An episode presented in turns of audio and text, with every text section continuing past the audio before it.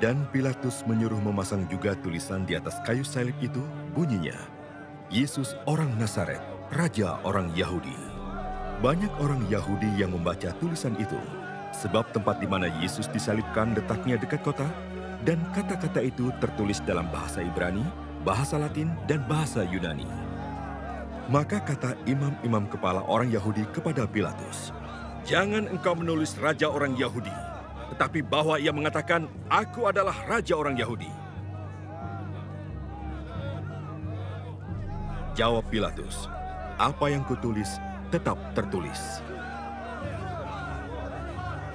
Sesudah prajurit-prajurit itu menyalibkan Yesus, mereka mengambil pakaiannya, lalu membaginya menjadi empat bagian untuk tiap-tiap prajurit satu bagian, dan jubahnya juga mereka ambil.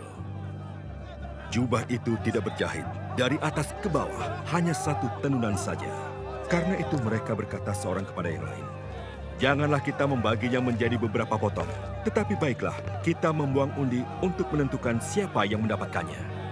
Demikianlah hendaknya supaya genaplah yang ada tertulis dalam kitab suci. Mereka membagi-bagi pakaianku di antara mereka, dan mereka membuang undi atas jubahku. Hal itu telah dilakukan prajurit-prajurit itu. Dan dekat salib Yesus berdiri ibunya dan saudara ibunya, Maria, istri Klopas, dan Maria Magdalena. Ketika Yesus melihat ibunya dan murid yang dikasihinya di sampingnya, berkatalah ia kepada ibunya, Ibu, inilah anakmu. Kemudian katanya kepada muridnya, inilah ibumu.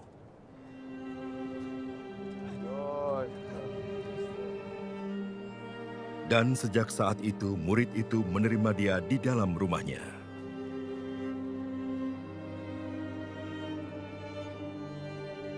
Sesudah itu, karena Yesus tahu bahwa segala sesuatu telah selesai, Berkatalah ia supaya genaplah yang ada tertulis dalam kitab suci. Aku haus. Di situ ada suatu bekas penuh anggur asam. Maka mereka mencucukkan bunga karang yang telah dicelupkan dalam anggur asam pada sebatang hisop, lalu mengunjukkannya ke mulut Yesus. Sesudah Yesus meminum anggur asam itu, berkatalah ia, sudah selesai. Lalu ia menundukkan kepalanya dan menyerahkan nyawanya.